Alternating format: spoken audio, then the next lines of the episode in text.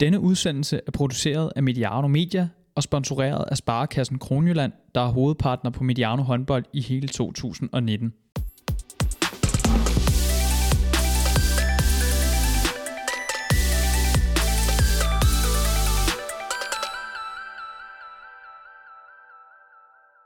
I 1997 blev hun verdensmester med det danske kvindelandshold som 19-årig. To år senere blev hun erklæret håndboldinvalid. I dag er hun idrætsforsker og beskæftiger sig med skader i håndboldsporten. Mediano håndbold er kørt til Odense for at besøge Merete Møller her på SDU. Mit navn er Emil Halkier. Velkommen til, og tak fordi du lytter med. Tak fordi du har tid og lyst til at mødes i dag, Merete. Tak fordi at du har lyst til at komme til, helt til Syddansk Universitet.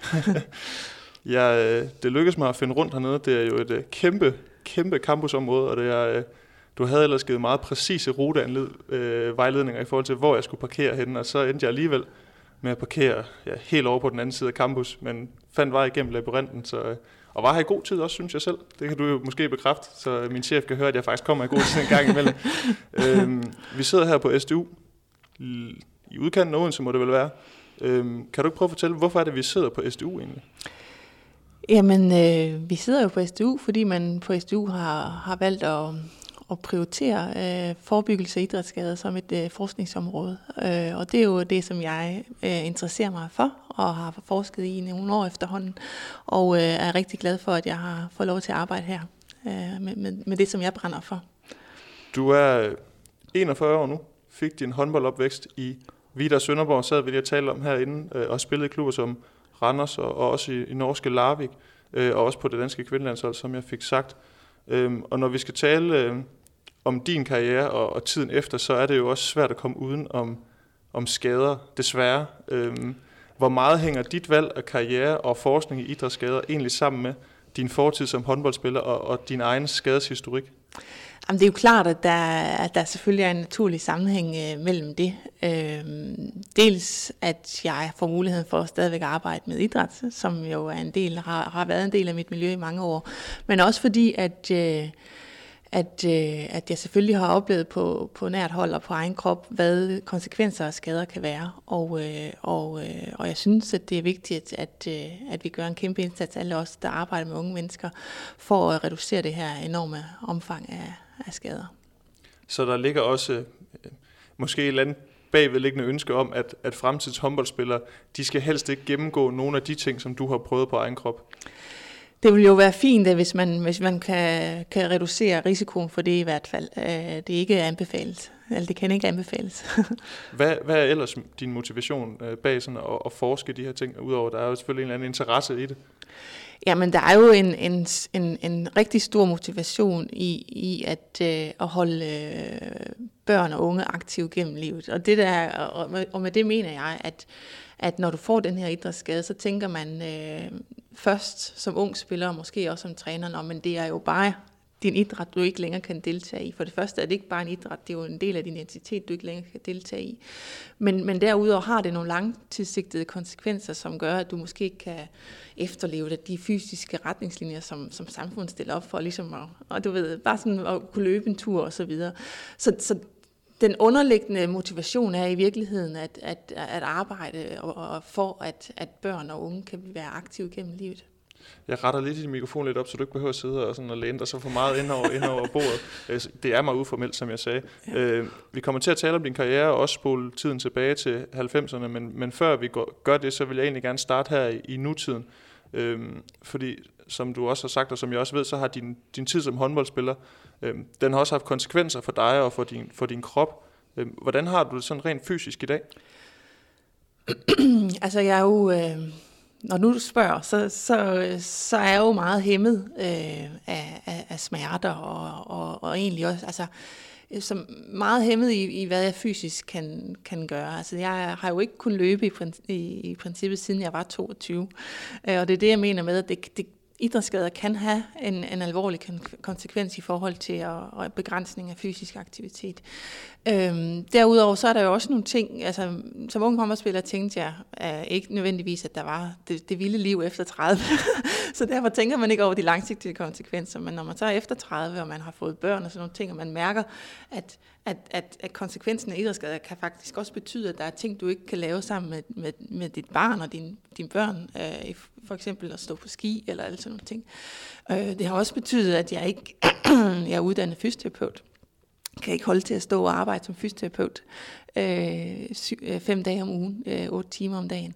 Så det har jo nogle, altså for mig i hvert fald haft nogle alvorlige konsekvenser, som man ikke nødvendigvis tænker på som, som ung idrætsudøver. Hvis man sådan skal tale øh, men, men grad, det vil man jo sådan, hvis man sådan rent forsikringsmæssigt skulle gøre sådan nogle ting mm. herop, øh, hvad, har du, ved du, hvad din mengrad er i forhold til? Øh... Jeg tror, den blev estimeret til 12 procent. Mm. Og det er i forhold til knæ? Det er til knæet, ja. Ja, okay. Øhm, og hvor, hvornår, er smerterne, hvornår er smerterne værst? Kan man, kan man snakke om det? Nej, fordi når man har haft smerter så længe, som jeg har, så er det bare noget, der hele tiden er der. Øh, der er selvfølgelig perioder, det jeg kan mærke, der forstærker mine smerter, det er jo også, det er sikkert noget, som mange kan kende, der lever med kroniske smerter. Det er, hvis man ikke får sin søvn, eller hvis man har haft en, en, øh, en dag, hvor jeg for eksempel har stået op, eller noget. sådan, når jeg kommer hjem fra arbejde der, så er jeg ved at være brugt, og, og, øh, og egentlig, ja, brugt er nok det bedste ord. Uh, ja.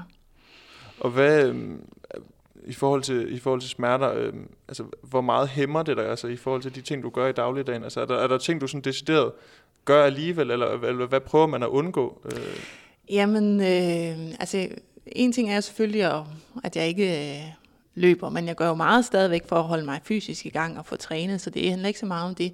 Men så er der sådan nogle små ting, eller sådan nogle ting, som man at jeg er nødt til at gå i nogle, nogle bløde sko og tennissko, hvilket jo også kan være frustrerende i rigtig mange sammenhæng. Øh, så, så, så det er sådan nogle mere sådan nogle ja, pra- praktiske ting, som jeg prøver ligesom at, som kan være med til i hvert fald, at, øh, at mine symptomer holdes, holdes nede. Hvis du øh, sådan tænker tilbage, øh, og vi sådan snakker rent, øh, rent vidensmæssigt, altså i, i dag kontra dengang du var aktiv, altså kan man sige noget om, folk taler altid om lysår, når man rykker så meget. Ikke? Altså, er der sket meget siden dengang du selv var aktiv kontra i dag? I forhold til...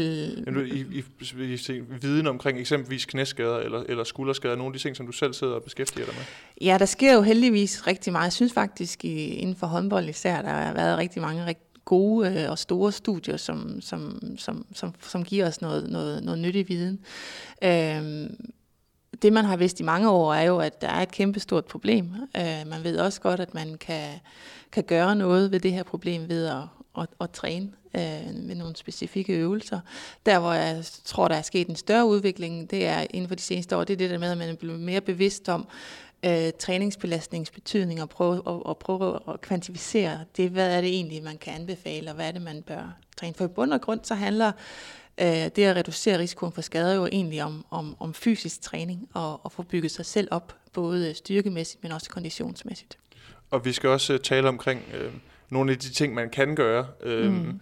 Men når du sådan tænker, hvad skal man sige, øh, hvis du sidder og tænker tilbage nu, er der, er der noget, du ville ønske, du havde vidst dengang? Jeg tror, jeg tror, jeg, jeg, jeg, jeg tror, jeg vil øh, ønske, at jeg havde taget det mere alvorligt øh, altså konsekvenserne af skaderne. Fordi jeg har haft mennesker omkring mig, der også har fortalt mig, at, øh, at når jeg fik den og den knæskade, så var jeg i øget risiko for at få artrose øh, tidligt efter den her skade. Øh, men det tog jeg ikke alvorligt som ung spiller. Øh, og jeg er heller ikke sikker på, at, at øh, altså, det, det, det var nok en af de væsentlige ting, hvis jeg skulle se på, hvad jeg selv kunne gøre, så, så jeg ville have ønsket at være anderledes. Så var det der med at tage, tage, være mere bevidst om de konsekvenser, det har, og være mere bevidst om, jamen når jeg så har fået den her øh, skade, øh, hvornår skal jeg egentlig så vende tilbage? Hvornår, hvornår er man klar til at komme tilbage til at spille håndbold? Øh, og der kunne jeg jo nok godt se i bagspejlet have, har haft en fordel af at vente øh, i længere tid og haft nogle personer omkring, som havde guidet mig i, hvordan og, hvor, og, og hvornår kommer man tilbage efter en skade. Og helt specifikt i forhold til det her med at blive guidet, nu, vi taler også lige inden omkring din, din første skade, øh, jeg mener du sagde, det var i 96, en meniskade, Det er der, hvor du sådan første gang øh, bliver skadet omkring, omkring knæregionen. Og der, der, bliver du også, øh, der får du at vide, hvor lang tid er det, der går, når man er blevet opereret for en menisk? Jamen, det som jeg i hvert fald husker, jeg fik at vide dengang, det var jo, at for det første, at meniskader ikke var så alvorlige. Gudskelov, det ikke var en, en korsbåndsskade. Og øh, meniskade kunne man bare operere ved en kikkertoperation, og så ville jeg være tilbage efter 14 dage. Øh, og når du siger det til en ung spiller, så, tænk, så var jeg jo meget fokuseret på de 14 dage, og var egentlig ikke så fokuseret på, hvordan min knæ havde det efter de 14 dage. Så jeg husker jo, at jeg spillede, øh, jeg spillede med, med hævet knæ, øh, og jeg spillede... Øh, jeg var helt klart ikke øh, styrkemæssigt og, og, og kontrolmæssigt øh, der, hvor jeg skulle være i forhold til, til, hvor jeg var før skaden. Hvis man nu fik en meniskade i dag, hvad, hvad vil anvisningerne så være i forhold til, til, til pause og genoptræning? Det vil i hvert fald være helt, helt anderledes i forhold til øh, alt efter hvilken øh, skade du har på menisken. Øh, men, det, men, men det, jeg synes, der også er afgørende, det er jo, at, at man er meget mere styret af, altså, at man, at man, hvordan knæet ser ud og har det, og styrkemæssigt, øh, og, og vurderer det meget i forhold til det andet knæ, hvornår man egentlig er klar til at komme tilbage. Hvordan var forløbet så med de efterfølgende skader? Fordi du har jo, som du fortalte, du blev opereret en del gange i, i din knæ. Eller i de, er, det, er det kun det ene knæ, ja. du har problemer med? Ja. Øhm, hvordan, hvordan, hvis man sådan skulle liste op, hvad du ellers har haft af, af skader i, i det knæ, hvad, hvad vil det så øh, indebære? Nej, men jeg, jeg, jeg tror, øh, efter den der første øh, skade, jeg, jeg fik, så kommer jeg jo tilbage. Øh, men som så mange andre, så synes jeg ikke, at jeg kommer tilbage på det niveau, som jeg egentlig havde før skaden. Altså, øhm, øh, jeg, jeg, jeg spiller mange kampe, men jeg får ikke trænet mig godt nok op. Jeg, jeg, jeg, bliver ikke, jeg kommer ikke til at... Jeg, jeg synes ikke, jeg forbedrer mig fysisk. Jeg spiller bare kampe. Og så øh, er det, jeg tror, det er, det er meget, altså det, jeg er udtaget til OL i, i Sydney, og det er meget i, i, tæt på en af de sidste kampe, vi har i Larvik, og i forhold til det, hvor, hvor jeg så får en ny øh, skade i den samme meniske, det samme knæ, øh, som, som jeg aldrig kommer tilbage fra. Kan du, var, det, var det frustrerende, fordi du siger det her med, at du, du, du følte ikke, at du nåede op på samme sådan, øh, niveau af sådan styrkemæssige ting. Var det frustrerende for dig dengang egentlig? Jamen, det er jo enormt frustrerende. En ting er, at du ikke fysisk er klar, men det er også det, du går hele tiden på nogle kompromiser spillemæssigt. Altså, du, øh, så, så tænker du, at jeg kan måske ikke lave, det er ikke så godt. Det går lidt ondt, når jeg laver hopskud, så laver jeg løbeskud. Men du går hele tiden på kompromis. Du spiller aldrig til dit bedste. Det er også det, jeg synes, der er vigtigt at få frem, øh, så man skal forstå det der med, at, at, at det at reducere risikoen for skader har jo en præstationsfremmende effekt. Det er jo ret simpelt, at for at kunne præstere optimalt, så er du nødt til at kunne træne optimalt. Og det kan du bare ikke, når du hele tiden får din, din træning afbrudt på grund af enten store eller mindre skader. Så det er, det, det er bare så super vigtigt, at man, man sætter fokus på det her. Så kan man måske et eller andet sted sige, hvis vi sådan trækker en streg fra den første her, den her meniskade, og fremad, at det blev sådan en, en halsen efter hele tiden. Altså, du ja. kom, du, du, der var hele tiden noget, du skulle indhentes, ja. og du, det er noget, du egentlig ikke har fået indhentet, og Nej. derfor var du ikke klar til at spille. Er, ja. er, det, er det ret godt ramt? Eller? Ja, det synes jeg. Uh, det, det synes jeg, at, uh, at det, det er den oplevelse, jeg sidder tilbage med uh, nu. Og så er diskussionen selvfølgelig, jamen hvem har egentlig ansvaret for det? Hvem, hvem er det egentlig, der går ind og tager det ansvar for unge spillere i forhold til øh, ja, at, at tage vare på, på deres helbred både før og efter skade? Ja, fordi vi kan vel lynhurtigt blive enige om, at øh, hverken du dengang eller måske unge spillere i dag det, øh, er hvad skal man sige, det er, ikke, det er ikke dem, der skal træffe nogle valg, det er ikke dem, der skal vurdere, øh, er jeg klar, er jeg ikke klar. Så der har også dengang været nogle, nogle udfordringer i forhold til, øh, der, der har været noget manglende vejledning dengang, eller hvad? Ja, øh, det har der jo, men, det, men, men jeg vil også sige, at det, det er ikke en nem opgave at vejlede. Vi snakker lidt om det inden, at, øh, at topidrætsudøvere, det er jo sådan lidt et, et, et utaknemmeligt folkefærd at arbejde med i virkeligheden, fordi øh, hvis jeg i hvert fald skal tage mig selv som eksempel, vi er simpelthen så målrettet og så fixeret på den her næste kamp, at, at det, det, kan, det kan være svært at trænge ind øh, til os som, som, som fysioterapeut på en eller anden måde. Fordi jeg synes jo, jeg har jo, jeg har jo, jeg har jo haft fysio, der har anbefalet og sådan nogle ting. Men, men hvis træneren har spurgt, om jeg var klar, så har jeg sagt, at jeg var klar, selvom jeg ikke var det. Og så i virkeligheden, så, så, så bør kommunikation, tror jeg, være mellem fys og trænerne. Og hvis fysen siger, hun er ikke klar, så må træneren stole på det, og så ikke presse vedkommende til at spille, uanset hvor meget spilleren selv, forældrene til spilleren og alle andre, der presser på, synes, at, at den her spiller skal spille. Og det er jo også noget, øh, man ser i dag, noget der har været meget op i forhold til hovedskader også. Der taler man jo også omkring det her med, der har man måske tidligere, i hvert fald inden der blev sat meget fokus på det, overladt det lidt for meget til spillerne selv, hvornår jeg er egentlig klar. Øh, så det er måske også lidt det samme, du har, mm. du har manglet dengang. Mm. Øh, har, har der været tid til noget selvrensagelse bagefter? Har man tænkt, har du, har du æret dig over, at du ikke øh, lyttede mere? Til, du har lyttet til din krop senere, men, men at du lyttede mere til din krop dengang? Ja, og det er der, jeg tænker, at vi har en, en, i, i dag har en kæmpe pædagogisk udfordring. Fordi det at være håndboldspiller øh, er jo en, egentlig et eller andet sted en uddannelse, som du skal igennem som et ung menneske. Og en del af den uddannelse er faktisk at, at, at, at, at, lære at tage vare på din krop. Så jeg, jeg tror, man ret tidligt skal, skal, skal prøve at sætte en indsats ind på det der med, at, at jamen, når kroppen øh, siger, at du har ondt, så er det fordi, der er et eller andet, du skal være opmærksom på. Der er nogle, der er nogle ting, som, som man som spiller simpelthen bare skal lære, er, har en betydning. Øh. Da du, øh, hvad skal vi sige, i 97, som vi talte om, der var du både med til at vinde VM på U-landsholdet, og også øh, senere på året med, med A-landsholdet.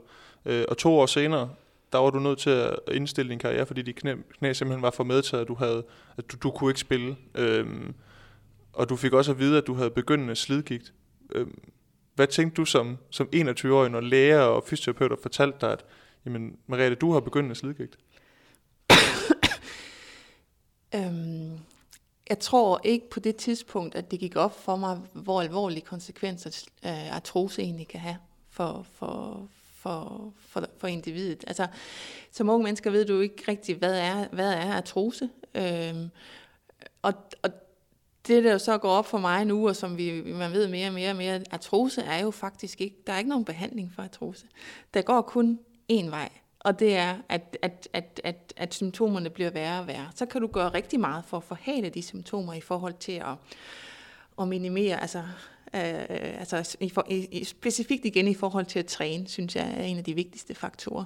Øh, men, men det, faktum er, at du kan ikke, der er ikke noget quick fix, når du har artrose. Du kan ikke operere dig ud af det. Øh, det er en, en, en, en, en, en sygdom og en diagnose, som du har med dig resten af dit liv. Kunne du godt have presset citronen mere og spillet mere, eller eller var løbet bare kørt, hvis man skal sige det sådan? Meget, nu bliver det meget brutalt ja. et eller andet sted, men, ja. men var, det, var det bare det? Løbet var kørt. Jeg havde øh, presset den alt for meget, alt for længe.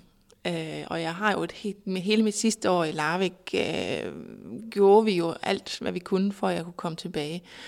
Og til sidst, så tror jeg også bare, at jeg var kommet dertil, at komme tilbage til idræt for mig, så skulle jeg være Marete, der kom tilbage. Det skulle ikke bare være øh, på et eller andet niveau, hvor jeg ligesom kunne spille forsvar resten af mit liv, eller det, det, det skulle være at spille håndbold, og det skulle være at spille håndbold uden at tage smertestillende medicin. Det har altid været vigtigt for mig, at jeg vil ikke spille på smertestillende medicin. Var der også noget, øh, når man, når man har nået det der med at, at opleve, at man kan noget, at man er dygtig til noget, ligger der også noget, noget faglig stolthed i forhold til, at, at jeg vil ikke bare spille, jeg skal også være den version af mig selv, som jeg ved, jeg har været, og og ligesom udleve det potentiale, som du måske også har vidst, du havde? Ja, på det tidspunkt var det vigtigt for mig. Øh, nu vil jeg bare ønske, at jeg bare kunne spille. Øh, fordi der er jo håndbold er jo mange ting, og meget af det, som, som det, eller det største tab, jeg oplevede ved ikke længere at spille håndbold, var jo alt det sociale og hele det netværk, der er omkring en. Og det forsvinder øh, stort set fra den ene dag til den anden. Og det er det, der er lidt, øh, en lidt en, en skyggeside, synes jeg, ved idrætten, det er, at når når du bliver skadet, så er du ude, og så er du øh, næsten glemt. Øh, og det er jo med til at skjule problemet lidt for idrætten, at øh, alle de her skadede spillere, de kommer måske ikke helt frem, fordi de er ude, og så fokuserer vi bare på den næste, der kommer. Og tilbage har vi så den her store gruppe af, af, af mennesker, som, som faktisk øh, er nødt til at stoppe på grund af deres skade. Men dem snakker vi ikke rigtig om, for dem de er jo ikke det er jo ikke dem, der bliver promoveret i, i medierne efterfølgende. Eller er øh, frontfigurer for diverse sportsfirmaer, eller, eller lignende, ikke fordi vi skal sådan hænge, hænge nogen ud i, i forhold til det. Øhm, du har måske allerede lidt svaret på det, men, men hvis du havde vidst øh, dengang, hvad du ved i dag, altså hvilke konsekvenser det vil have, øh, var du så stoppet tidligere, tror du? Ej, jeg, var ikke, jeg kunne næsten ikke stoppe tidligere. Nej, jeg var ikke stoppet tidligere, men jeg havde, øh, jeg havde været meget, meget mere fokuseret på at passe min fysiske træning, øh, end jeg havde været fokuseret på at spille kamp som ung. Tror du, at, at med den viden, du har i dag, og, og dit, din seriøsitet omkring, for eksempelvis det her, nu taler vi om det her med at hals efter hele tiden, kunne det godt være blevet godt igen, eller, eller hvad tænker du? Det er svært. Ja, okay. Det, det, det, det, det, er jo, det bliver jo en tænkt eksempel, men jeg, men jeg er ingen tvivl om, at der er på stort set alle parametre, kunne jeg og, og folk omkring mig have gjort noget øh, bedre. Selvom du desværre øh, ikke nåede at spille øh, særlig mange år, i hvert fald som, som seniorspiller, så fik du alligevel, du nåede alligevel at få nogle store oplevelser, øh, går jeg ud fra. Øh, og, og du var, som jeg også sagde tidligere, med til at vinde det her øh, VM i 97, det eneste VM-guld, man har vundet på, på kvindesiden. Nu gik herrene jo lige ind her i januar og gjorde, at man i hvert fald også havde vundet et på, på herresiden. Øhm, det her VM-guld for 97, hvad betyder det for dig i dag? Ej, det betyder jo, øh, det betyder rigtig meget. Det er jo, øh, det er jo en, en god øh, oplevelse at tænke tilbage på. Om ikke andet, så fik jeg VM øh, 97 med. Øh, jeg det er en god oplevelse på mange måder, fordi at jeg jo som ung spiller fik lov til at komme ind på det her fantastiske stjernehold med, med de her jernhårdige ladies, og, og ligesom ja, være en del af den kultur, der var dengang. Det var en stor oplevelse, men jeg vil sige, det var også noget, der stod lige så stærkt i mig egentlig, oplevelsen med UVM, hvor vi har været en gruppe mennesker og, og venner, som har arbejdet med det her UVM i rigtig mange, mange år, så eller i hvert fald fire år, og så, øh, og så står vi også med en guldmedalje der. Det, det står egentlig også rigtig stærkt. Husk, det er, hvis vi sådan taler senior-VM, altså, hvad husker du det for, udover den her guldmedalje, som jo, som jo klart det er det, man tænker på først, når man mm. sådan taler om den her slutrunde. Mm. Hvad, hvad husker du ellers den slutrunde for? Ja, det er jo lidt med en lille sådan, nu hvor du spørger direkte, så det første, der faktisk kommer op, det er jo det der med, at det ulykkelige, der sker i semifinalen, hvor der er en dansker, der bliver dræbt. Øh, det er faktisk noget af det, der, der står egentlig stærkt, fordi det var så ja, følelsesmæssigt egentlig for os alle sammen, at vi står der og har, har vundet, øh, har vundet, øh, har vundet øh, semifinalen, og så, øh, og så kommer vi ned i omklædningsrummet, så får vi den her besked. En anden ting er selvfølgelig, at jeg blev skadet i semifinalen og ikke kunne deltage i finalen. altså igen det her, nu, nu taler vi meget om skader, det, det, det er klart, at det, det kommer op også, fordi du har oplevet mange ting, øh, og det jeg kan også mærke på, at du bliver lidt berørt af at tale om, om den her episode til det her VM. Øh, så noget andet, som måske er lidt mere positivt, fordi du, du nævner det også selv, øh, det at spille på det her hold. Der er, jo, der er jo skrevet en del bøger efterhånden omkring de her jernhårde ladies, hvor der er blevet fortalt omkring lige præcis den generation på kvindelandsholdet, og vi mm. har også i vores regi talt om, hvordan nutidens mm. øh, kvindelandshold måske også lidt lider under, at mm. de og, og du og I var så gode øh, mm. og vandt så mange ting. Mm. Øhm, hvis du skulle beskrive den her, sådan den her enhed, altså, hvad, hvad, hvad kendetegner den her gruppe af mennesker, man har samlet, som præsterede som hold og virkede utrolig dynamiske? Ja, jamen det er, øh, det er, når jeg sådan tænker tilbage, for jeg var, jo, jeg var jo lidt sammen med dem, og så var jeg en del af det lidt nyere øh, landshold, der kom efter, øh, efter de jernhårde ladies. Og det, der, der, jeg synes, da jeg kom ind i den gruppe, det, det, det, det, det var bare en fantastisk sammentømret gruppe af, af fantastiske mennesker og personligheder, som, som jeg synes tog rigtig godt øh, vare på hinanden. Altså der var et, et, et, et, en, en, en en god social indstilling. Man, man, man var faktisk sammen øh, og, og, og havde en masse sammen. Og så var der den her gruppe af individuel, øh, fantastiske, fantastiske individualister, som kunne afgøre kampe, når det virkelig brændte på. Ikke? Så for mig var det, var det en, en, virkelig en kæmpe oplevelse at prøve at, at, at, at bare tage en lille del af, af det, og være en lille del af det. Var det svært at, det, det har det jo ansynligt været, var det svært at, at begribe, altså hvad man egentlig var en del af? Øh, Ja. Når, når vi sidder her i eftertiden, så, så taler man jo om det som den her guldalder. Ikke? Altså, ja. Var det noget, man forstod, når man stod i det, eller er det først der efterfølgende, når man ligesom har siddet og tænkt det igennem, at det går op for en? Det er jo egentlig ret stort, det jeg har været en del af. Ja, Ej, det er jo nok først bagefter, at det sådan rigtig går op for mig. Det er jo nok også, fordi jeg var så ung på det tidspunkt, så jeg tænkte, at jeg havde mange år endnu, så det, der skulle nok komme en masse flere oplevelser, hvis jeg vidste, at det ligesom var det, sidste sådan store, jeg skulle opleve, øh, så, så tror jeg, jeg vil have, have sat endnu øh, større pris på det. Øh, ja. Den her status her, altså, nu er jeg er født i årgang 92, så jeg kan jo sådan, jeg er, jeg er opvokset med den her generation af kvindelandsholdet. Det er sådan dem, ja, dengang så man kvindehåndbold, der så man faktisk nærmest ikke herrehåndbold. Øh, hvilken, hvilken mm, sådan, status havde det her hold i befolkningen? Hvordan, hvordan føles det at være en del af det her? Fordi det må også have givet noget, det, det må også have vagt noget genklang et eller andet sted, når man sådan kom rundt, og at, at man var en del af det her, ikke? Ja, det var jo nok, det var nok den største forskel, for da vi kom hjem fra UVM, så var der måske 20 mennesker ude i lufthavnen, da vi, da vi kom hjem og havde vundet medalje, og, da vi, og de var alle sammen vores forældre. Men da vi kommer hjem fra AVM, så er der jo, altså, det er jo helt massivt, og det er der, det går op for os, hvor, hvor voldsom, øh, øh, altså, hvor voldsom en, en national opbakning der er til håndbold. Vi så det ved herre, vi har noget, er der noget, der virkelig kan samle nation, og det er det, der er fantastisk ved idræt også. det er jo, at, at, man, at, det, at, at man virkelig kan samle hele nationen. Og det var det, vi oplevede, da vi kom hjem. Det var jo, at hele Danmark føltes det, som om bare var kommet til København for at modtage os. Og, og det var jo også det der med, at jeg gik fra at være mere eller mindre anonym håndboldspiller til pludselig at blive kendt, hvor end man gik. Ikke? Var det en stor omvæltning? Det var en mega stor omvæltning for, for mig, ja. Og hvorfor, hvorfor tror du, det var det? Jamen, det, jamen det, er jo, det, er jo, det tænker jeg egentlig er meget logisk. Det går rundt der, og du, øh, jeg, jeg er jo en person, som egentlig trives meget godt med bare at være lidt i mit eget øh, selve. Jeg, jeg har ikke nødvendigvis behov for at, at stå forrest og, og, og sådan noget, så, så pludselig at, at blive at blive øh, modtaget, øh, for, øh, uanset hvor jeg gik hen, var, var meget overvældende, men, men også positivt, fordi det jo heldigvis var, som regel i hvert fald, øh, positive tilkendegivelser, der kom. Nu er det ikke fordi, at, øh, og det sagde jeg også til dig, at det her det skal ikke være en, en podcast, der handler om Anja Andersen, men øh, jeg har det jo bare sådan, at når man er opvokset med, med Anja som det store øh, sådan håndbold-ikon øh, i Danmark, og man øh, får chancen for at tale med nogen, som faktisk har været på holdkortet samtidig med hende, ja. øh, så, så får man altid lyst til at spørge, altså, hvordan var hun egentlig at spille på hold med? Ja, hun var jo fantastisk at spille på hold med, synes jeg. Øh, jeg, jeg tror, der kan være forskellige vurderinger af det, men for mig var, hun, øh, var det helt fantastisk lærerigt at spille på hold med, med Anja. Og, og det med, at jeg var playmaker, og Anja var og venstre bakke. Og bare det at spille siden en spiller, der er så god, det giver jo noget, noget, noget plads og noget rum til, til den ved siden af. Øh, og så var det bare så inspirerende at se, hvordan hun trænede, øh, og, og, og de ting, hun kunne finde på at, at, at gøre. Så hun, hun, hun, ja, hun, hun har, der har ikke været nogen siden som Anja. Altså, der, hun er noget helt øh, særligt.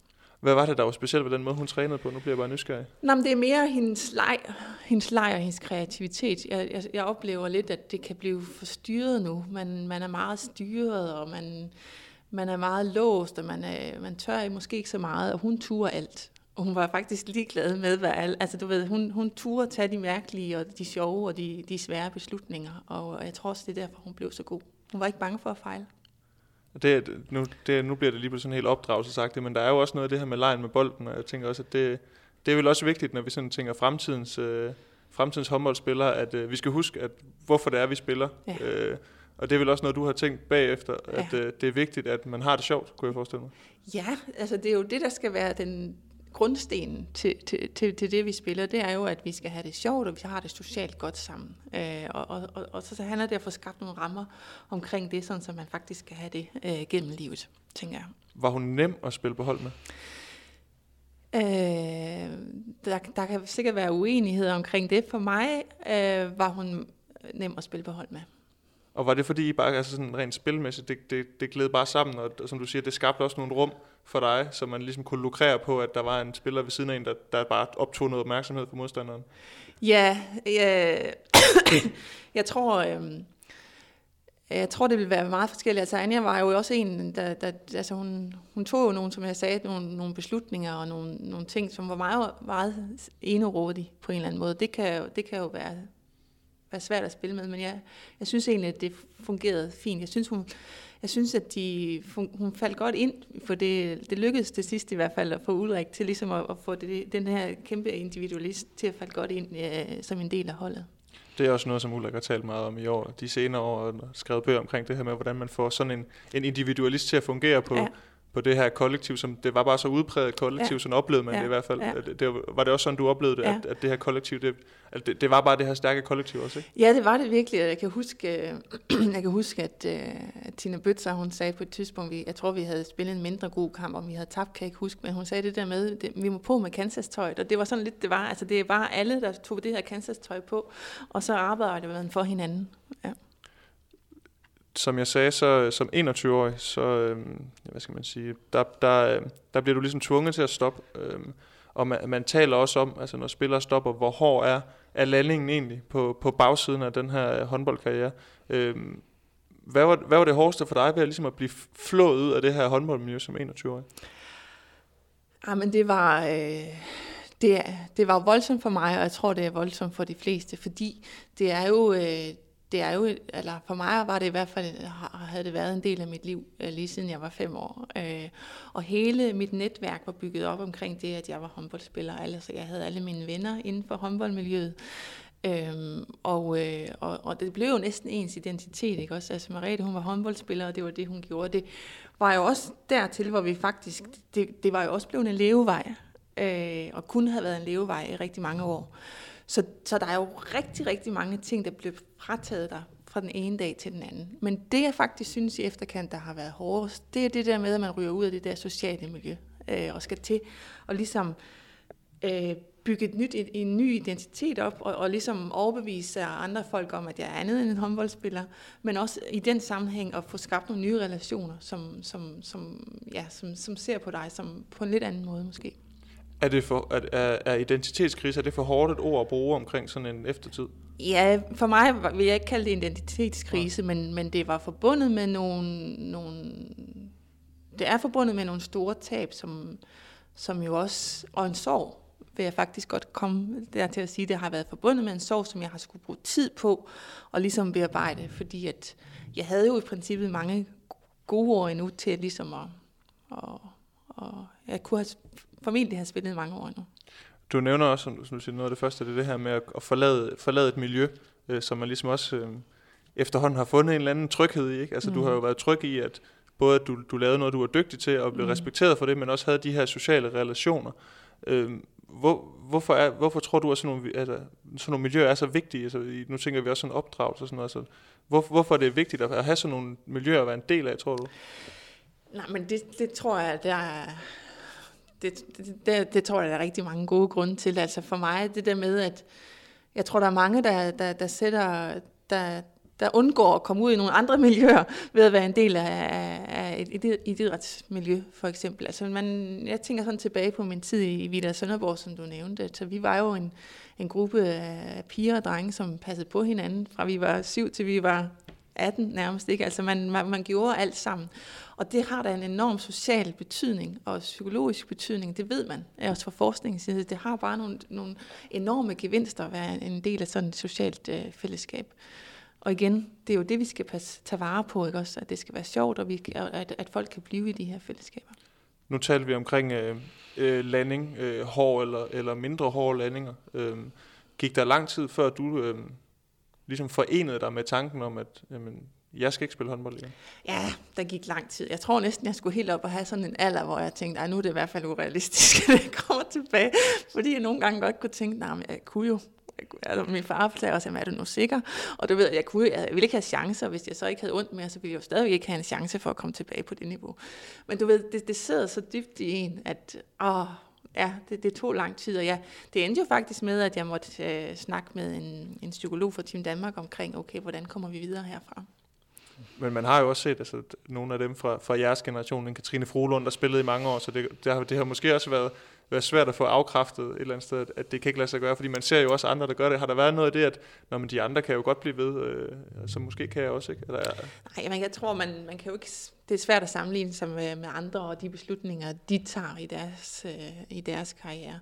Men det er jo det der med, at man, ja, helt klart, det er svært at acceptere, at man ikke kan spille som 25 eller 27 år. Det er det bare. Det kan jeg godt øh, ikke genkende til. Jeg ja. har heller ikke accepteret noget endnu overhovedet, Nej. men nu skal det ikke handle om mig. Øh, hvad var egentlig sådan... Nu, nu taler vi om, at, at guldtæppet blev et eller andet sted trukket væk under dig alt for tidligt. Øh, det kan vi hurtigt blive enige om. Hvad var egentlig målene og drømmene? Altså, hvad, hvad var det egentlig for, som du sagde, da, da du vinder VM, er med til at vinde VM 97, der tænker du jo også, at det er måske den første af, af mange mm. øh, øh kommende titler. Altså, hvad var, mm. hvad var drømmen egentlig? Ej, drømmen var helt klart at deltage i OL Øhm, hvilket jeg også var udtaget til. Og det er stadigvæk den største sorg, tror jeg, at jeg ikke fik lov til at opleve det. Øh, så det var drømmen, og så var drømmen øh, at, at, at, at spille på et af de bedste klubhold. og øh, hvad, hvordan, hvornår, nu snakker vi om at forene sig med, at det her med, at man ikke skal spille igen. Altså, hvor hårdt et slag var det, at de ting, som, jeg ved godt, at håndbold starter som en leg, og man har det sjovt med det i mange år, det får også på et tidspunkt sådan en elitepræg, hvor man sætter sig nogle mål. Det her med ikke at kunne indfri de mål, altså, mm. var det også et, en, sådan en mavepuster, eller hvordan, hvordan modtog du det egentlig det?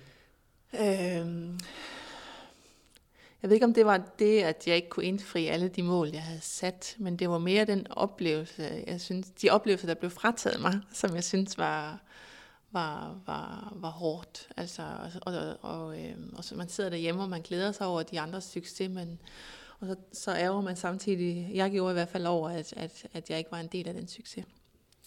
Ja, fra, øh, for, det her, for det her landshold. Øhm, ved, ved du egentlig, hvor mange, har I, har I talt, hvis man sådan taler i dag, hvis du snakker med nogle af dem i dag, hvor mange af dem, der egentlig har men efter at have spillet i dag? Er det, er det, er det udpræget? Er det mange? Ja, det er udpræget. Jeg, jeg, jeg har ikke de præcise tal, men, men øh, det, er, det er ikke kun mig, der sidder, sådan som jeg sidder i dag. Øh, der, der, vi er mange. Ved, har I, nu som siger, jeg skal heller ikke tvinge dig til at komme med nogle tal, men, men hvad, er det, hvad er det typisk for nogle men, man har efter sådan en, øh, en håndboldkarriere i, i 90'erne og start 0'erne? Øhm, det virker jo til, at, at, øh, at for det første dengang også var der rigtig, rigtig mange af de her knæskader. Øh, og det er også primært dem, folk de slider med øh, efterfølgende. Øhm, øh, øh, mit bud er, ej, jeg skal ikke sætte tal på, men der er, der er mange fra den generation, der, der, der fik en korsbåndsskade dengang, og som, som, som slider øh, med det i dag. Øh, og, så, og så tror jeg, der der var lige for nylig en opgørelse, som øh, norsk tv har lavet, der var for idrætsudøvere generelt, at øh, det, det folk, de slider med efter karrieren, er, er, er øh, altså knæ og ryg og nakke. Skader, var det overhovedet noget, I talte om dengang egentlig? Eller sådan spillerne imellem? Eller hvordan talte man om det? Nej, altså øh, den samtale om skader, jeg kan huske, jeg har haft med en anden spiller, som stadigvæk sidder i mig, det er øh, en samtale med Anne Dorte Tanderup, der spillede den gang, som vi også har haft mange knæskader. Og jeg kan huske, at hun sagde til mig, for det første det der med, at da jeg havde fået den første skade, pas nu på dig selv. og det var tænkt, ja ja, du ved, stadigvæk. Men det, der sidder der i mig stadigvæk, og som jeg synes var et vigtigt øh, budskab, hun gav videre, det var, øh, ikke spil på smertespillende medicin. Og den har jeg faktisk holdt næsten, altså stort set øh, siden. Øh, og det var der også derfor, jeg, min beslutning var at stoppe hellere end at spille måske længere tid, og så spise øh, alt muligt smertestillende medicin. Så et eller andet sted, så, så lyttede du også til din krop til sidst, kan man vel godt sige? Ja, det gjorde jeg trods alt. Ja. Hvad, øhm, nu talte vi, og du sagde også lidt her indledningsvis, bedre lige mærke det her med, at du holder det selvfølgelig også i gang i dag. Altså, når man har øh, slidgigt. Øh, hvad, hvad er så vigtigt altså, i forhold til at holde sig i gang, og, og hvad gør du sådan til dagligt i forhold til sådan at, at få brugt kroppen og, og sådan nogle ting? Øh, jamen det er super vigtigt at holde sig i gang, og det viser sig jo faktisk, at, det er, at træning er, den, er den bedste medicin, du kan gøre mod øh, artrose eller slidgigt, som man kaldte det tidligere. Øh, og, øh, og det jeg gør, det er jo, at jeg prøver at lave igen, øh, altså jeg, jeg cykler så meget som muligt, jeg prøver at svømme, og så laver jeg nogle, nogle, nogle specifikke øh, styrketræningsøvelser, som, som har til hensigt at, at styrke omkring mit knæ og hofte. Som jeg også lige fik sagt til dig, så har jeg jo også selv øh, været under kniven Øhm, og min forsikring var der hurtigt til at udbetale de 5% på forhånd, inden jeg blev opereret. Ja. Øh, kan man sige noget om, hvad mine chancer egentlig er for at få slidgigt? Ja, altså det er faktisk her fra vores forskningsgruppe på, på Syddansk Universitet, er lige kommet en ny stor sådan meta-analyse, hedder det. Og der har de sagt, øh, fundet frem til, baseret på rigtig mange studier, at hvis du har en isoleret øh, korsbåndsskade, så har du en forøget risiko, øh, forøget odds, eller forøget risiko på 4 altså gange 4. Og hvis du har en kombineret øh, korsbåndsskade og meniskade, så, så er den forøget odds på, på 6. Uh, så nu var jeg lige odds 6 der, kan jeg så, så konstatere. og det er jo desværre ret tidligt allerede efter at det skaden, at man ser de begyndende tegn på artrose. Altså nogen gør det sker allerede efter to år, men, i, men allerede efter 10-15 år, så har man de, altså, symptomer øh, på, på artrose. Og det er jo også derfor, vi siger, at, at, at, at, at når vi ser alle de her unge spillere med en der får de alvorlige knæskader måske så i en alder af 15 år, så betyder det jo, at allerede 25 år og 30 år, så har de begyndende tegn på artrose. Det vil sige, det er jo unge mennesker med gamle knæ. Øh, og, og, og, og når du så tænker på, at man er alder 25 og 30 år, der, det er jo faktisk først der, du skal i gang med at leve livet. Det er der, du skal ud på arbejdsmarkedet. Det er der, du skal ud og have din familie. Og så har du en, en sygdom, som man ikke kan gøre behandle, men som du skal leve med resten af dit liv, og som får de her konsekvenser. Hvad er det så, jeg... Øh, hvad skal jeg holde øje med? øh. Du skal holde dig i gang. Undskyld.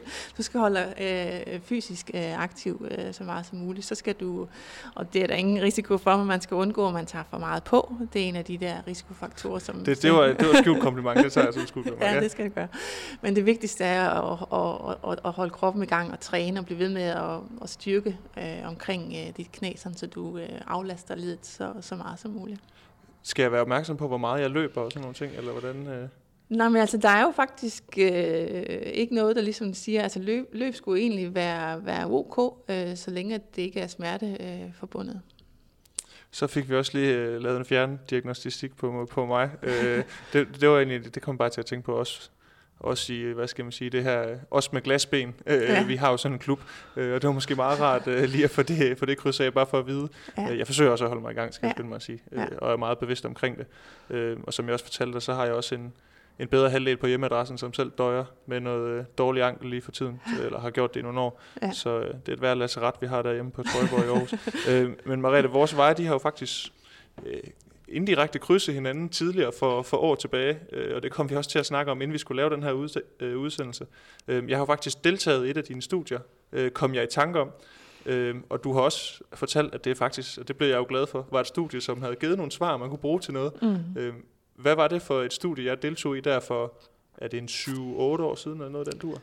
Ah, jeg tror ikke, det er så længe Ej, siden, trods alt, men, men, men det er nogle år siden ja. efterhånden. Men, men, men, men, men det, som jeg synes er nogle af de primære resultater, der faktisk kom fra det der, apropos træningsbelastning og doseringer i forhold til, øh, hvor meget er for meget, øh, så var det studie, som, som du og, og rigtig mange andre unge håndboldspillere dengang øh, deltog i, det var jo, at, at vi fik faktisk nogle konkrete tal på, at, at når du øger for meget i en uge i forhold til, hvad din krop egentlig har, er vant til at træne, jamen, så har du en forøget risiko for, for det, vi kiggede på dengang, var, var, var skulderskader, for eksempel. Ja, og vi skulle, øh, nu må du rette mig, hvis jeg tager fejl, men vi skulle sådan indrapportere gennem sms'er, øh, hvor meget ved træning, og også træningshårdhed, og også i forhold til, hvis vi har haft skader og ømheder, som ting, ja. er, det, er det helt forkert husket? Nej, det er rigtigt, at vi, vi fulgte øh, omkring 700 øh, unge håndboldspillere i en hel sæson, hvor I, øh, hvor I indrapporterede øh, ugenligt med sms-beskeder omkring de her ting, og hvor vi så fulgte op øh, med telefon og, og fysisk undersøgelse.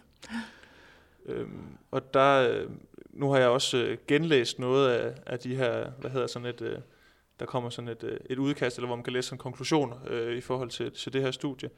Øh, og der øh, kunne jeg også forstå, at der er i forhold til øh, tidligere i den her aldersgruppe, hvad man har målt, øh, så var der en st- stor stigning i forhold til mængden af skulderskader, ja. øh, specifikt. Mm. Øh, jeg går ud fra, at det er både der I læser de her tal, øh, og også altså, nu, det, det er en bekymrende udvikling, er det ikke det?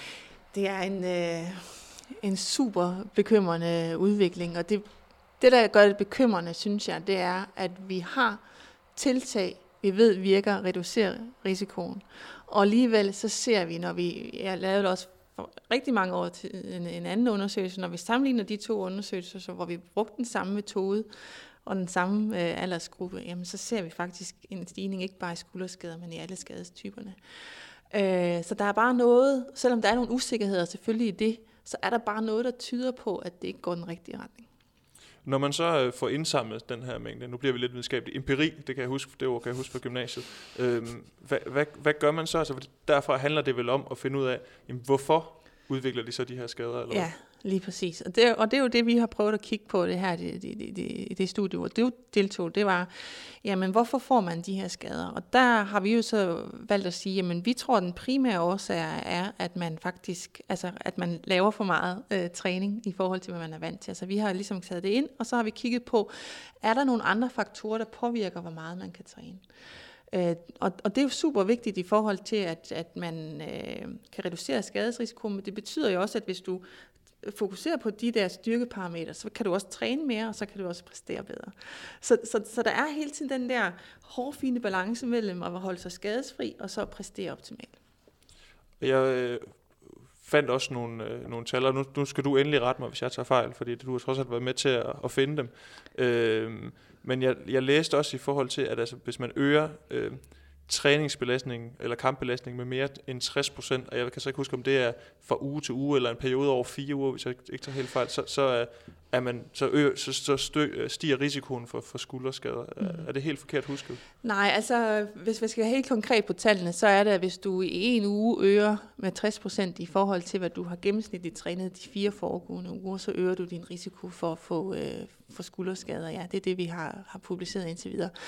Øhm, og, og det, øh, og, og, men, men hvis du derudover er svag, Altså at du ikke er så stærk i, i nogle af de muskler, vi gerne vil have, du skal være stærk i omkring skulderen, for eksempel din udadrotatorer, jamen så kan du faktisk kun øge øh, mellem 20 og 60 procent, øh, før du er en høj, for høj risiko for at få skader. Kan man, kan man identificere på forhånd, hvem der er, altså kan man sige, at der er nogen, der er mere eksponeret over for eksempelvis skulderskader end andre, eller, eller, eller hvad? Ja, altså det er jo det, vi prøver at kigge på, og, og ligesom sige, jamen, er der nogle øh, spillere, er der nogle faktorer, som gør, at de er mere øh, udsatte end, end andre. Og der, der virker det jo som om, at de, de som, som ikke var så stærke i deres udrotatur for eksempel, og som ikke havde så god kontrol omkring deres skulderblade, at de, de kunne i hvert fald tåle mindre øgning i deres belastning, før de var i forhøjet risiko. Men at ligesom at sige fra start af, at de, de spillere med deres svage der, de... Øh, de, dem, dem, de er i forøget risiko. Det, det, det er svært at sige, men, men, men, øh, men det er jo ligesom de sammenhæng, vi fandt. Hvis man skal blive øh, sådan, mm, hvad skal man sige, meget konkret øh, og tale i forhold til altså gode råd i forhold til at undgå at få en skulderskade, så kan man sige noget om, hvad, hvad er egentlig klogt lige at gøre, at tage sig af forholdsregler i forhold til at undgå, at man kommer til at sidde med den her dårlige skulder og skal under kniven, og alle de her ting, som man jo alle, der har spillet håndbold, har jo haft holdkammerater, der har været igennem den der, ikke? Ja. Øhm, undskyld. Jamen, øhm, det vigtigste, hvis vi ligesom forholder til, hvad, vi, hvad vores primære årsag eller risikofaktor var, så var det jo det der med, at man øvede for meget. Så, så det handler jo om at være bedre til at træningsdosere i virkeligheden. Og det er jo, gør sig jo især gældende efter perioder, hvor du øh, har haft en sommer, lang sommerferie, kommer tilbage. Opstartsperioden kender vi alle sammen, det er meget Øh, fordi, og det er den jo flere grunde. Først, først fordi du har haft en rigtig lang sommerpause, så starter du, så skal vi træne helt vildt i, i, i opstarten, og så skal vi også i øvrigt spille rigtig, rigtig mange kampe. Og det er der, vi faktisk ser alle flest øh, skuldersymptomer, men, men skader generelt egentlig. Øh, så det er det der med, at når man har haft en pause, og enten om det er sommerferie, eller det er efter en skade, at man er opmærksom på, hvordan man kommer tilbage øh, derefter. Og så vil jeg jo så sige modsat også, at hvis du har, du ved, at du skal til noget stort, eller at du har en større turnering, så har du faktisk også muligheden for at træne dig op, og det er det, der egentlig er hovedpointen. Du har jo muligheden for langsomt at træne dig op til at kunne tåle de her spidsbelastninger i højere grad. Så der er også en... Opstarten starter før opstarten, vil jeg sige det sådan. Altså, der, ja. er, der, er, der er noget forarbejde, som som ligesom skal gøres, inden man bare går ind i handel og kaster med den her bold? Ja, der er jo rigtig meget, øh, altså tage bolden med på sommerferie, vil jeg sige. Der er jo rigtig meget der, som, som man, man, man skal holde sig i gang. Der, det burde egentlig ikke være en sommerferie i virkeligheden. Og selvfølgelig skal ferien, spillerne have ferie, men man kan træne noget andet øh, og holde sig i gang på den måde jeg synes, det var lidt sjovt, at inden vi sådan begyndte at optale, der talte vi sådan, siger, jeg har lavet den her drejebog i forhold til, hvad vi skal snakke om, og så inden jeg når at nævne det, så, så kommer du også selv ind på det her, som har været, har været meget op at vende her for nylig. Det her Don't Play the Players, hvor man jo har de, de topspillerne i Europa, der sender et åbent brev til IHF og EHF i forhold til, til deres belastning, og at, at de er presset, og at nok er nok. Det var sådan lige for at en fong på det. Det tænker mm. jeg ikke, at, at det er helt skævt ramt. Øhm, hvis man sådan sådan for sådan et fagligt, fagligt synspunkt, altså kan man, kan man så sige noget om, at den her spidsbelastning, altså hvor, hvor høj er den egentlig på de her topspillere? Er, er den for høj? Er det uansvarligt, der hvor vi er nu? Jeg ved godt, at du ikke kan tage udgangspunkt i konkrete eksempler, men hvis man sådan overordnet kigger på det, mm. kan man så sige, at i hvert fald den spidsbelastning, der er på de her spillere, mm. at den er bekymrende? Jeg synes at helt klart, at der er, der er, der er et vigtigt budskab i, i det der med, at der er en, en stor øh, gruppe af, af elitespillere står sammen og siger, at nu er det faktisk nok. Og det har det jo været i mange år. Altså det er et kæmpe problem, som har været i håndbolden i mange mange år. Det er godt, at der er nogen, der stiller sig op, fordi selvfølgelig er det for hårdt at spille hvad er det, otte kampe, de spiller inden for 14 dage, eller måske flere, ikke også? Øh, der er brug for restitution, det ved man inden for fodbold, og det samme gør sig gældende for, for håndboldspillere selvfølgelig, at, at de må have en restitutionstid efter øh, høj intensitetstræning og, og, og kamp. Øh. Ja, du sagde også, at det, det var jo egentlig også noget, I talte om, altså der i, i 90'erne. Så d- Ja. den kampagne kunne også godt have været noget, man havde, eller jeg ved ikke, om Ja. den kampagne havde været startet dengang, men man kunne godt have lavet den dengang også. Ja, og det er lidt det, der bliver min bekymring. Jeg synes, at det er en super vigtig kampagne, og, men, men som jeg også sagde til dig, det var også noget, der var op til debat, og det var også noget, der var i medierne dengang øh, i 97. Og problemet er bare, at det blev taget op, og det blev taget til debat, men der kommer ikke en handling på den debat. Så den bliver glemt igen, og så står vi her 20 år senere, og så kommer spillerne igen. Og jeg håber virkelig, det, det, det medfører nogle konkrete tiltag. Øh, en ting er for eliteudøverne, en anden ting er jo for de unge øh, håndboldspillere, som jo også er udsat for en enorm belastning, når de, når de går fra måske at være 14-15 år og pludselig skal begynde på idrætsefterskoler eller håndboldcollege eller hvad de skal. De øger jo også deres træningsbelastning markant fra den, nærmest fra den ene sæson til den anden. Ja, og nogen spiller jo også på, på flere hold. Ja. Øh, nogle er dygtige nok til Ja. at blive rykket op og også spille Ja. med dem, der er ældre. Ja. Øh, nogle er ungdomsspillere og spiller også med Ja. nogle seniorhold. Ja, Øh, som, altså et eller andet sted, sådan rent øh, træningsmæssigt, er det måske sundt nok at træne med nogen, der er bedre, men i forhold til belastning, der, der kunne jeg også godt forestille mig, at det gav anledning til lidt bekymringer, når man hører om øh, spillere, der spiller på mange hold og træner med to hold og alle de her ting. Ja. Det, det giver måske lidt panderynker, eller hvad? Ja, selvfølgelig gør det det, fordi at, at, at, at, at spillere i den alder, det er, jo, det er jo en gentagelse i virkeligheden af min egen historie. Uh, det var super fedt at være med til både UVM og AVM i det samme år, men det var højst sandsynligt for meget. Uh, så, så, så det der med, at, at man spiller på for mange hold, og man, det betyder jo bare, at den samlede mængde, træningsmængde og ikke mindst kampmængde, bliver bare for høj i forhold til, hvad man er fysisk i stand til på det tidspunkt, øh, i, altså i, i den alder, man har på det tidspunkt. Jeg fandt et, øh, et citat fra dig, der, der er fem år gammelt, øh, mener jeg, øh, hvor du sagde, at, at antallet af skader i, i håndboldsporten er alarmerende højt. Mener du stadig, det er det i dag? Ja, det er jo i hvert fald noget, øh, tallene, vores tal tyder jo i hvert fald helt klart på, at det ikke går i den rigtige retning. Så, så, så hvis jeg sagde det for fem år siden, så mener jeg det endnu mere i dag. Det, går, det er alarmerende højt, og, og der er også et tal fra, fra, fra, jeg tror det var idrættens analyse, et eller andet, der har, der har lavet, at, at, at håndbold er altså den idræt i Danmark, som har de, de, det højeste, øh, altså hvor, hvor, hvor spillerne får det højeste antal af skader. Og det er også, hvis vi kigger på den olympiske idrætsgren, en af de idrætsgrene, som, som, hvor der er en højst øh, risiko for at få skader. Så det er bekymrende. Jeg så også, der var nogen, der begyndte at gøre op. Nu har vi lige haft et AVM for herrene her på hjemmebane. Øh, spillere, der blev skadet op til slutrunden under. Ja, Øh, og Ja. det var også... Øh, det er ikke sådan nogle tal, man skal, man skal læse for mange gange, uden at få ondt i maven i hvert Nej. fald. Øhm, som jeg også skrev på vores øh, sociale medier, øh, da jeg ligesom skulle fortælle folk, at jeg skulle til Odense i dag og finde rundt ned på SDU, og så, og så snakke med dig. Der er jo noget omkring det her med 3 gange 15 minutter om ugen, skrev jeg. Øh, og Mhm. det er også fordi, det er noget, vi har talt om. Hvad er der med de her 3 gange 15 minutter om ugen?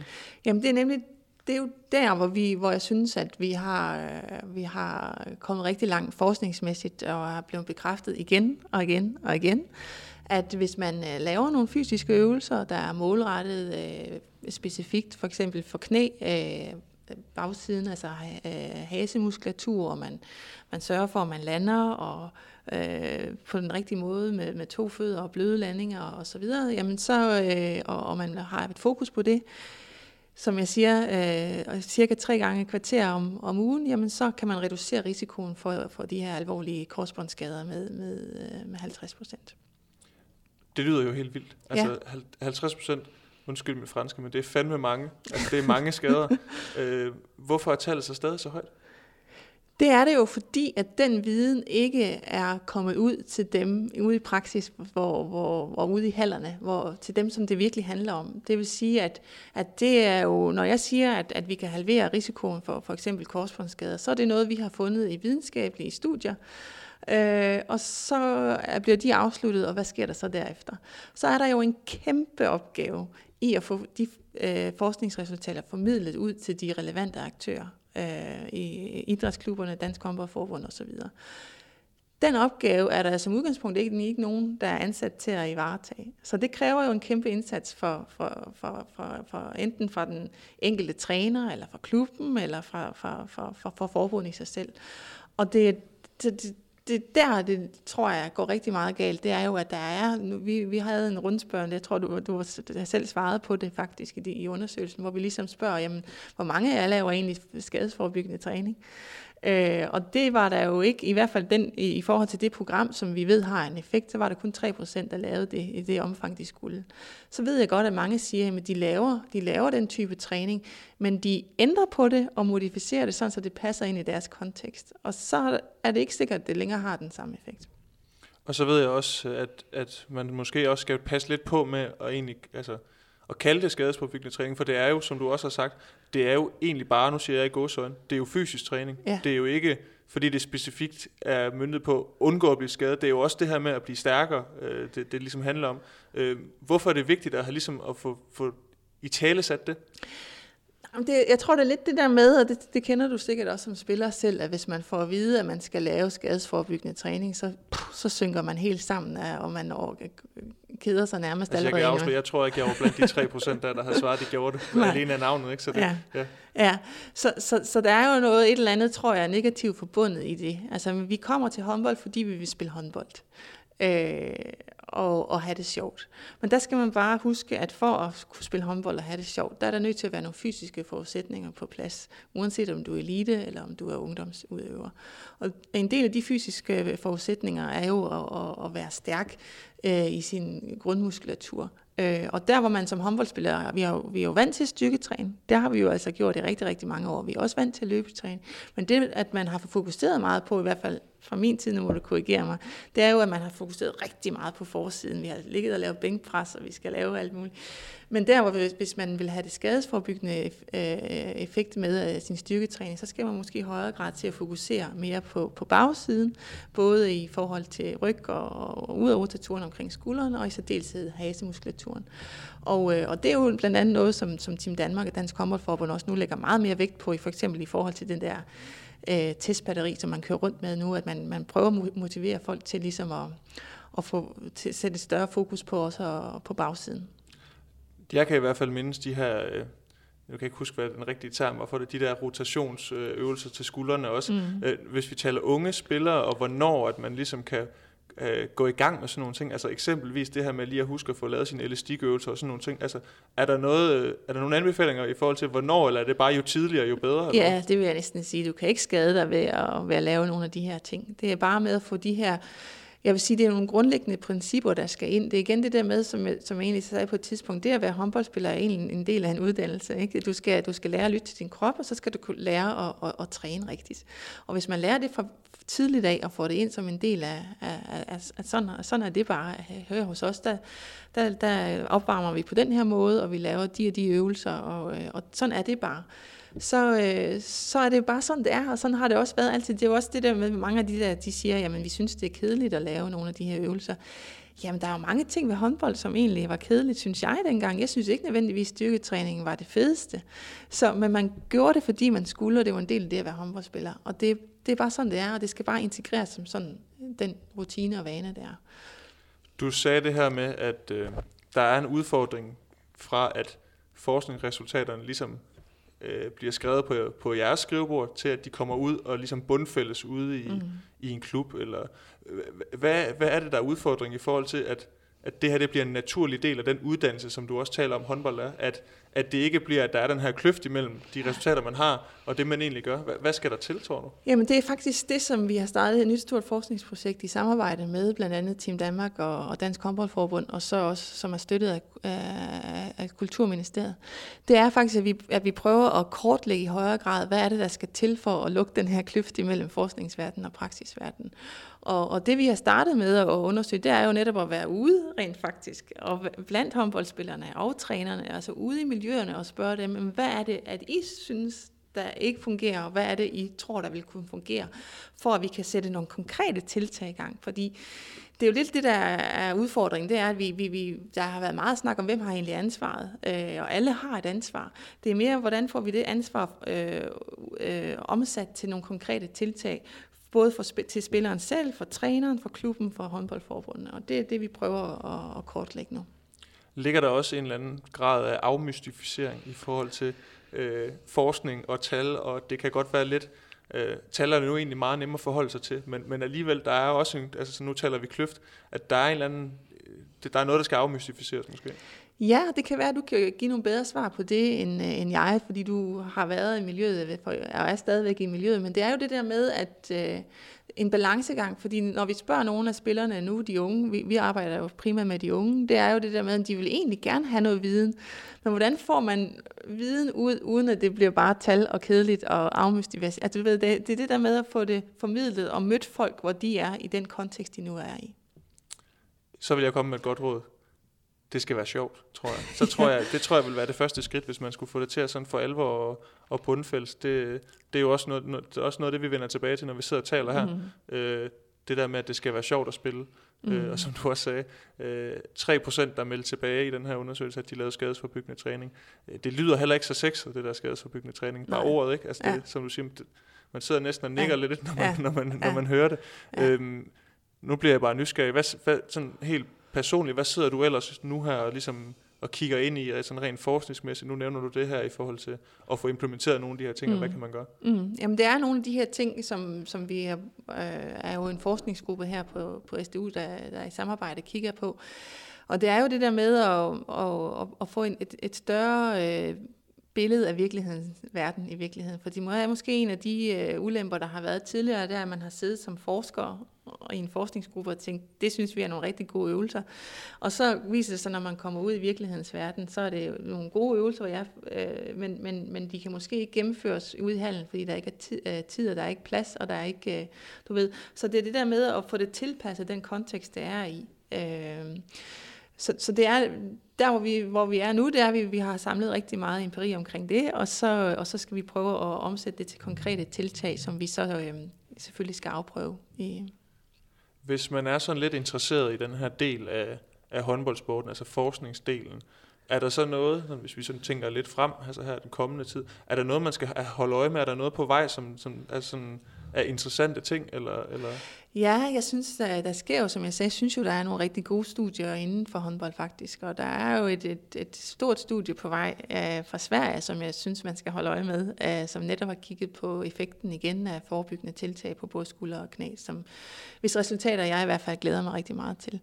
Men ellers så synes jeg bare, man skal være... Øh, være åben for, for, for, for, for forskningen på den måde forstået, at, at, øh, at vi, når vi kommer som forskere, så gør vi det jo øh, i bund og grund, fordi vi gerne vil gøre en forskel for, for de øh, for, for jer, der spiller, og for de, for de miljøer, vi, vi kommer ud til. Så det der med, som, som du gjorde, og som rigtig mange andre unge spillere gjorde, det var at, at deltage i forskningen og, og, og bidrage det er bare så enormt vigtigt, og det er noget, vi er så enormt taknemmelige for, fordi det, det er det, vi har brug for, for ligesom at komme videre øh, herfra som forskere i hvert fald. Vi taler oplysning som en ting, der ligesom kan nedbryde nogle af de her, øh, de her kløfter. Øh, hvis vi sådan lige på falderæbet måske skal, skal sige, jamen hvis man sidder som håndboldspiller, ung som gammel, og gerne vil være lidt klogere på nogle af de her ting, som vi sidder ja. og taler om. Altså, hvor, hvor skal man kigge hen? Hvor, hvor kan man finde noget viden omkring sådan nogle ting? Altså, som er lidt, som er sådan forholdsvis håndgribeligt, fordi det er jo også det vigtige i det. Ja, det er dem, det, der er det vigtige. Og der synes jeg faktisk, at man i Norge har, har, har kommet med et rigtig godt bud på, hvordan man kan gøre det øh, lidt let tilgængeligt og let forståeligt. Og det er ved, der er en, en app, der hedder Skade skadesfri.no, eller det er hjemmesiden, der hedder skadesfri.no, og så hedder appen bare skadefri. Og der har man, vil man øh, dels kunne læse om de forskellige skadestyper, man vil også kunne finde et, øh, et, et, et, et, et decideret program, øh, og med nogle specifikke øvelser til, til, til forebyggelse af de, øh, for eksempel knæ eller skuldre, eller bare inden for håndbold generelt, eller for andre idrætsgrene. Så jeg synes faktisk, at hvis man ligesom har brug for at søge noget viden, så, øh, så, øh, så er det et godt sted at starte. Jeg synes, det er godt samlet der så tror jeg da hvis lige min uh, telefon den bliver en app rigere her, når vi er, er færdige med, med at snakke sammen. Mariette, vi er nået til vej ind. Jeg håber, at det var okay. At det ja. var, jeg synes, det var hyggeligt, og det var rart også. Uh, det er altid rart at blive klogere, og jeg håber også, at dem, der, der lytter med, er blevet klogere. Det synes jeg i hvert fald, at jeg, jeg er blevet. Ja, jeg synes, uh, det har været rigtig hyggeligt at på besøg, Emil, og så synes jeg, det er et vigtigt emne, I har taget op på det. Det sætter vi jo stor pris på os herfra. Og så ja, tak, fordi du havde lyst, og tak til mig, fordi jeg kunne finde rundt hernede på SDU. Det er altså ikke en, en selvfølge, at man kan det. Og også øh, en stor tak til Sparkassen Kroneland, som er hovedpartner her på Mediano håndbold. Det har det egentlig været, ja, siden vi startede for lidt over et års tid siden, og de fortsætter øh, i hele 2019. Og øh, find os lige på de sociale medier. Vi er egentlig over det hele. Facebook, Twitter Instagram. Øh, gå ind i SoundCloud, din podcast app og tryk på abonner, så bliver vi, bliver vi rigtig glade. Tak for i dag, og øh, vi lyttes ved.